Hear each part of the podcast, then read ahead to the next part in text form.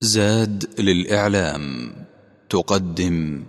إن الحمد لله نحمده ونستعينه ونستغفره ونعوذ بالله من شرور أنفسنا وسيئات أعمالنا من يهده الله فلا مضل له ومن يضلل فلا هادي له وأشهد أن لا إله إلا الله وحده لا شريك له وأشهد أن محمدا عبده ورسوله. أما بعد فإن خير الحديث كتاب الله. وخير الهدي هدي محمد صلى الله عليه وسلم وشر الأمور محدثاتها وكل محدثة بدعة وكل بدعة ضلالة وكل ضلالة في النار. عباد الله لقد شرع الله لنا دينا قيمة قيما في العقيدة والعبادة والمعاملة. ومما جاء به الشرع الحنيف التلطف وحسن المعاملة ومراعاة المشاعر والخواطر. فحث العباد على الانتقاء والاختيار. وهذا أمر يجمع القلوب. يوسف لما حضر إخوته قال الذي أخرجني من السجن ولم يقل الذي أخرجني من الجب. وذلك لأنهم هم الذين رموه في الجب فلم يرد أن يواجههم. وعزى الأمر إلى السجن الذي لا دخل لهم فيه. وكذلك لئلا يحرجهم قال من بعد أن نزغ الشيطان بيني وبين إخوتي فعزى الأمر إلى الشيطان مع أنهم الذين باشروا ايذاءه وقال وجاء بكم من البدو ولم يقل وجاء بكم من الجوع والنصب والفقر لئلا يظهر منته عليهم. نبينا صلى الله عليه وسلم لما قال إذا كنتم ثلاثة فلا يتناجى اثنان دون الثالث. حتى تختلطوا بالناس. ما هي العلة؟ لماذا؟ مراعاة لشعور هذا الثالث الجالس. لئلا يظن أنهما يتآمران عليه أو أنه دون مستوى الكلام. قال عليه الصلاة والسلام في تعليل هذا من أجل أنه يحزنه.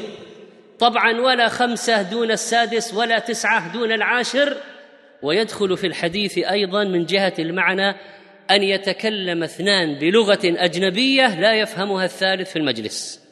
وقوله عليه الصلاة والسلام لا يقيم الرجل الرجل من مجلسه ثم يجلس فيه مراعاة لشعور من سبق إلى المكان وأنه صاحب حق وأن إقامته إيذاء. ولذلك قال ولكن افسحوا. وإذا قام أحدكم من مجلسه ثم رجع إليه فهو أحق به يبين أن الذي سبق له حق. هذا إذا قام لغرض يسير يتوضأ ويرجع يقضي شغلا يسيرا ويعود فإذا طال غيابه سقط حقه. لماذا جاء الأمر بإكرام ذي الشيبة المسلم وتوقير الكبير؟ ليس منا من لم يوقر كبيرنا وفي رواية يجل كبيرنا. وجاء في الحديث كبر كبر. في الكلام في المناولة في الإمامة عند تساوي الفضائل الأخرى. إذا تساووا في الفضائل الأخرى فأكبرهم سنا صاد صحابي صيدا للنبي عليه الصلاة والسلام وهو محرم وقدمه إليه. النبي عليه الصلاة والسلام رده ولم يكن من عادته رد الهدية. فرؤي ذلك في وجه الصحابي. تألم لماذا ترد هديته؟ لم يتركه النبي عليه الصلاة والسلام وإنما علل ذلك فقال مطيبا خاطر الرجل إنا لم نرده عليك إلا أنا حرم. فالمحرم لا يصيد ولا يأكل ما صيد من أجله. مراعاة حال صاحب المنزل في الشريعة. إذا طعمتم فانتشروا. ولا مستأنسين لحديث. لأن ما يضايق صاحب المنزل يجتنب. فلما جاءوا في عرس النبي عليه الصلاة والسلام وأكلوا النبي عليه الصلاة والسلام يريد أن يقوم إلى أهله. وهؤلاء جلوس بعض الناس. تهيأ للقيام اشعارا لهم ليقوموا. ما قاموا. المرة الأولى والثانية والثالثة إن ذلكم كان يؤذي النبي فيستحي منكم والله لا يستحي من الحق. الضيافة ثلاثة أيام فما زاد عن ذلك فهي صدقة. قال في الحديث ولا يحل له أن يثوي عنده حتى يحرجه. اذا لا يجوز أن يضيق على هذا المكرم الذي أضافه فلا يزيد عن هذه الثلاثة.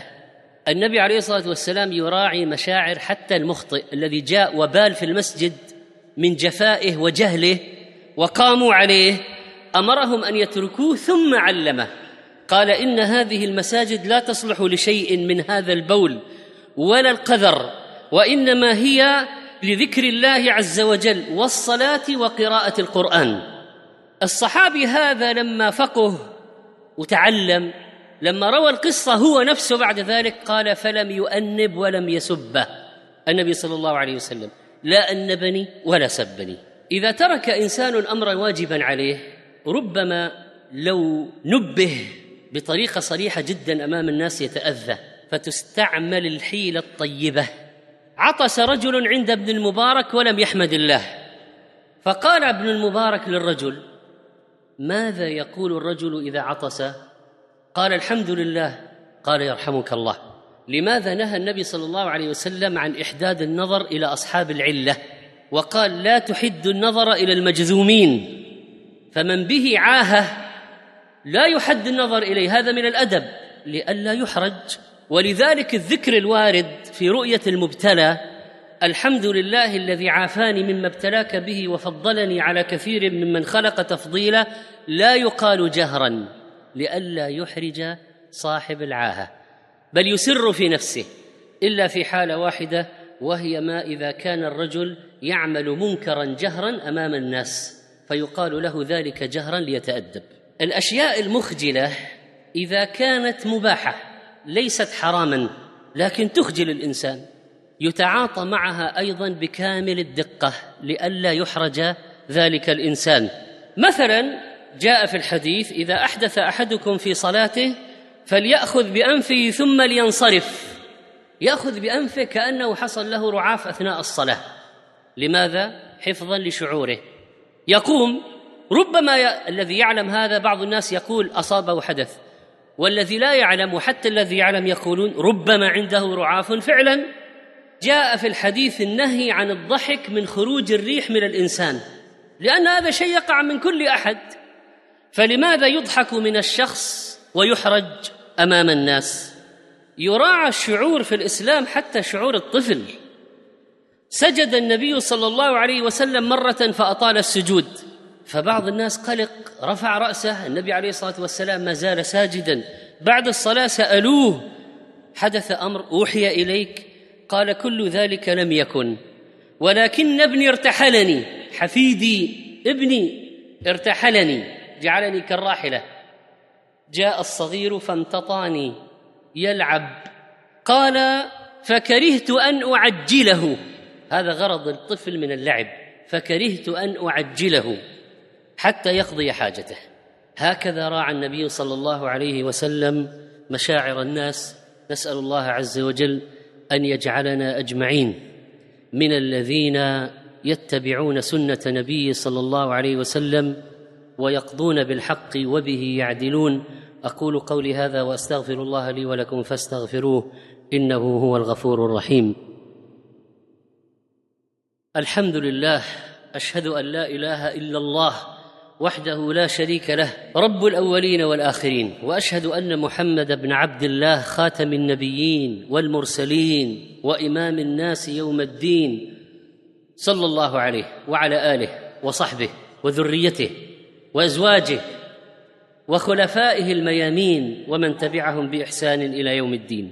عباد الله مراعاة شعور أصحاب المهن الضعيفة أصحاب المستويات الاجتماعية النازلة.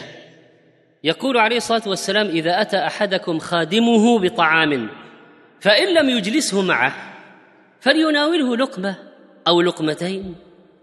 لماذا؟ قال في الحديث الآخر لأنه ولي حره ودخانه. من الذي طبخ وتعب حتى أنضج الطعام؟ فيناسب أن يناول. أما أن يبقى يتفرج على صاحب المنزل وهو يأكل أمامه وهذا الخادم والطباخ قد تعب ولا يتناول شيئا فليس من مكارم الأخلاق. حتى الذين يقام عليهم الحد الشرعي تراعى أحوالهم. فمرة أقام النبي صلى الله عليه وسلم الحد على شخص وأمر الناس بجلده فتلفظ أحدهم عليه وقال أخزاه الله لعنه الله ما أكثر ما يؤتى به.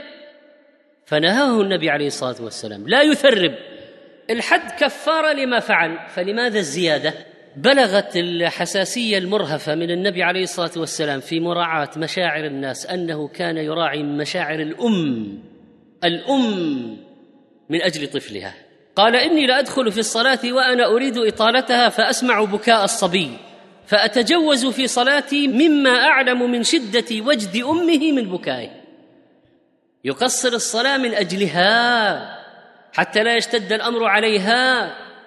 حديث لا تسبوا الأموات. لماذا؟ المسألة فيها تفصيل. ليس هذا وقته. لكن قال في آخر الحديث في رواية مهمة قال لا تسبوا الأموات فتؤذوا الأحياء. فقد يكون الميت يستحق السب لكن له أقارب يتأذون بسبه. ولذلك نهانا عن هذا.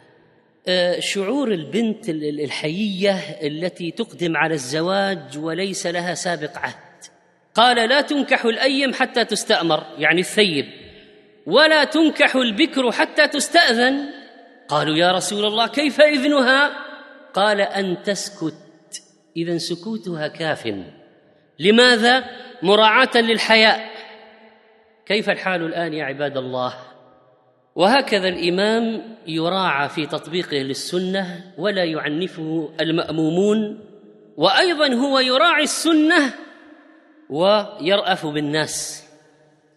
وقد يطيل بعضهم إطالة في موضع ليس من السنة الإطالة فيه ابدا. مثل دعاء التراويح بعضهم يجعله أربعين دقيقة. عجوز تصلي وراءه تقول من شدة القيام ومن طوله هو يدعو وأنا أدعو أن ينتهي. هو يدعو وأنا أدعو أن يخلص. والخطيب يراعي المأمومين كذلك فلا يطيل عليهم خصوصا إذا عودهم خطيبهم على تقصير الخطبة. بارك الله لي ولكم في القرآن العظيم ونفعني وإياكم بما فيه من الآيات والذكر الحكيم. اللهم اغفر لنا ذنوبنا وإسرافنا في أمرنا وكفر عنا سيئاتنا وتوفنا مع الأبرار. اغفر لنا ذنوبنا كلها دقها وجلها سرها وعلانيتها. اللهم آمنا في أوطاننا وبارك لنا فيما آتيتنا وسدد ولاة أمورنا واجعل ولايتنا في من خافك واتقاك واتبع رضاك يا أرحم الراحمين. لا تفرق جمعنا هذا إلا بذنب مغفور. وعمل مبرور وسعي مشكور وتجارة لا تبور. يا رحيم يا ودود يا غفور أصلح لنا شأننا كله. اللهم اهدنا واهد ذرياتنا وأدخلنا دار السلام وأخرجنا من الظلمات إلى النور.